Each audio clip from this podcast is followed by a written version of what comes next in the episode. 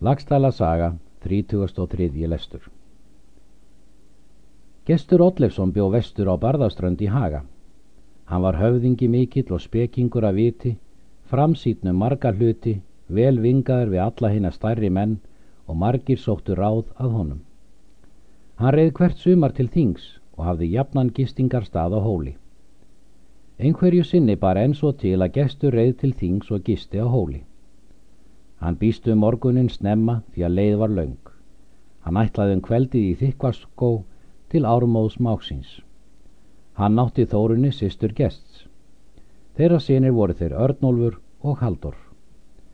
Gestur rýður nú um daginn vestan úr Sörbæ og kemur til sælingstallslaugar og dvelstarun hríð. Guðrún kom til laugar og fagnar vel gesti frænda sínum. Gestur tók henni vel og taka þau tal saman og voru þau bæði vitur og orðig. En er álýður daginn, mælti Guðrún. Það vildi ég, frændi, að þú riðir til voru í kveld með allan flokk þinn. Er það og vilji föður míns þótt hann unni mér virðingar að bera þetta erindi og það með að þú gistir þar hvert sinn er þú rýður vestur eða vestan. Gestur tók þessu vel og hvað þetta skörulegt erindi en hvað stómundu rýða svo sem hann hafði ætlað. Guðrún mælti. Dreymt hefur mig margt í vetur, en fjórir eru þeir draumar er mér afla mikillar áheggju, en engi maður hefur þá svo ráðið að mér líki, og byrð ég þó eigi þess að þeir sé í vil ráðnir. Gestur mælti þá. Segð þú drauma þína, vera má að við gerum af nokkuð.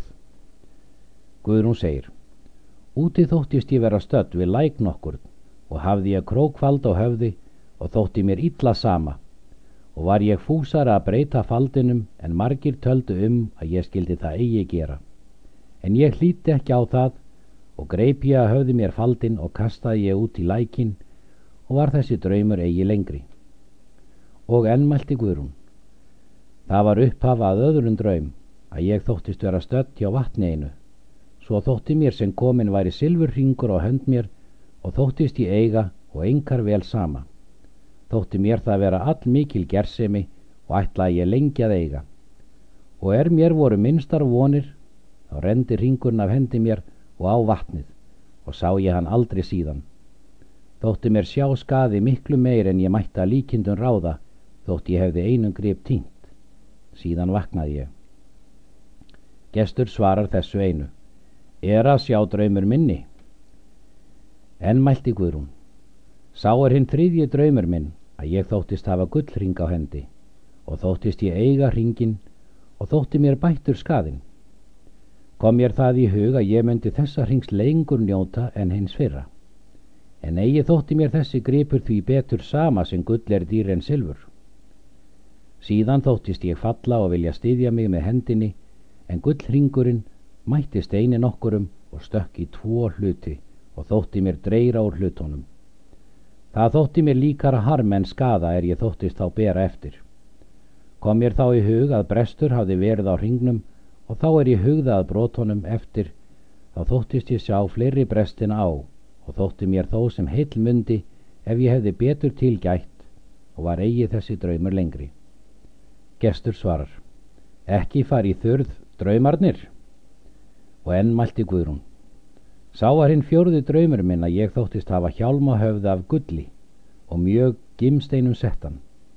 Ég þóttist eiga þá gersimi, en það þótti mér helst að að hann var nokkurs til þungur því að ég fekk varla valdið og bar ég haldt höfuðið og gaf ég þó hjálminum enga sök á því og ætlaði ekki að lóa honum.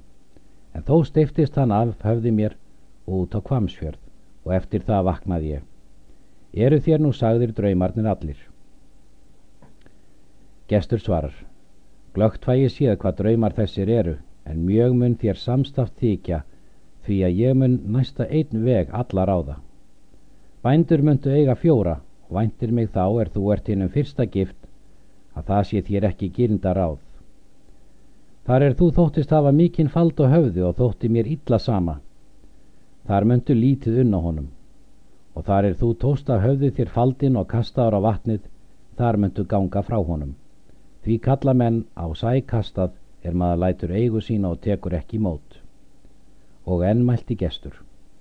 Sá var draumur þinn annar að þú þóttist hafa silfurring á hendi. Þar myndu vera gift öðru manni ágætum.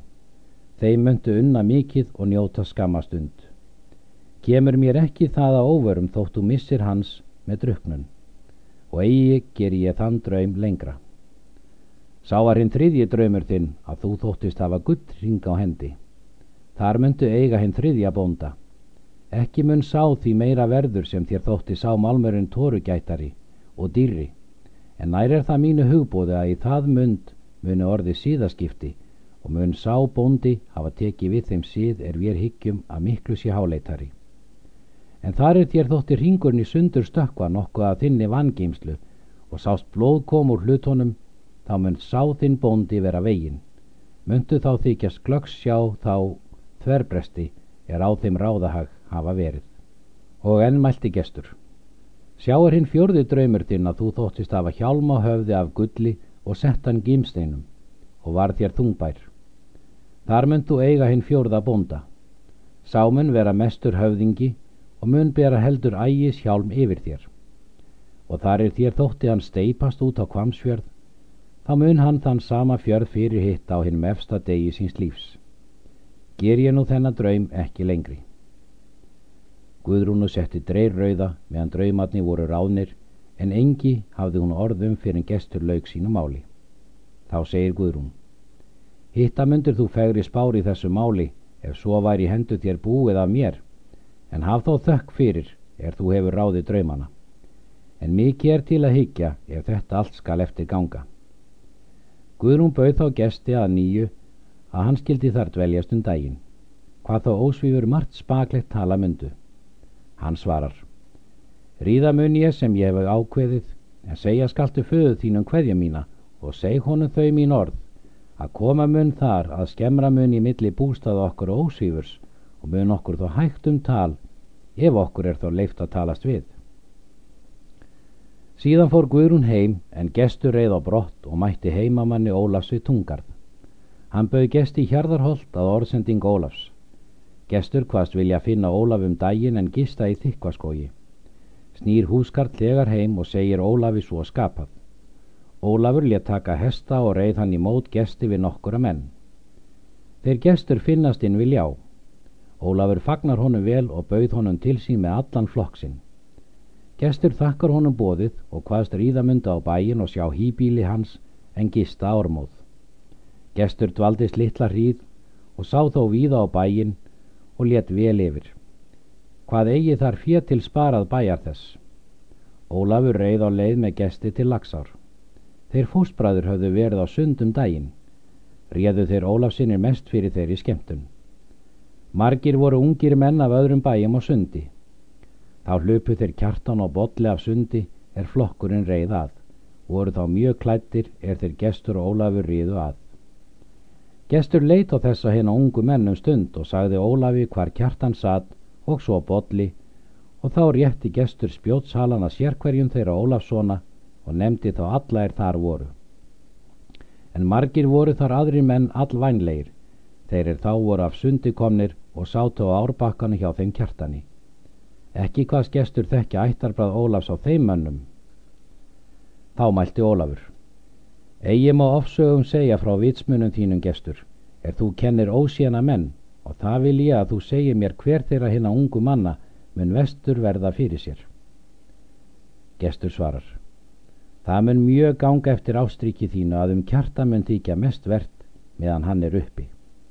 Síðan keirði gestur hestin og reyði brott. En nokkru síðar rýður þórður hinn lági són hans hjá honum og mælti. Hvað ber nú þess við, fadir minn, er þér hrinja tár? Gestur svarar. Þarfleisa er að segja það, en eigin enni að þeia yfir því, er á þínum dögum mun framkoma. En ekki kemur mér að óvörum þótt botli standi yfir höfuð svörðum kjartans og hann vinni sér þá og höfubana og er þetta illt að vita um svo mikla ágætismenn. Síðan riðu þeir til þings og er kyrt þingið.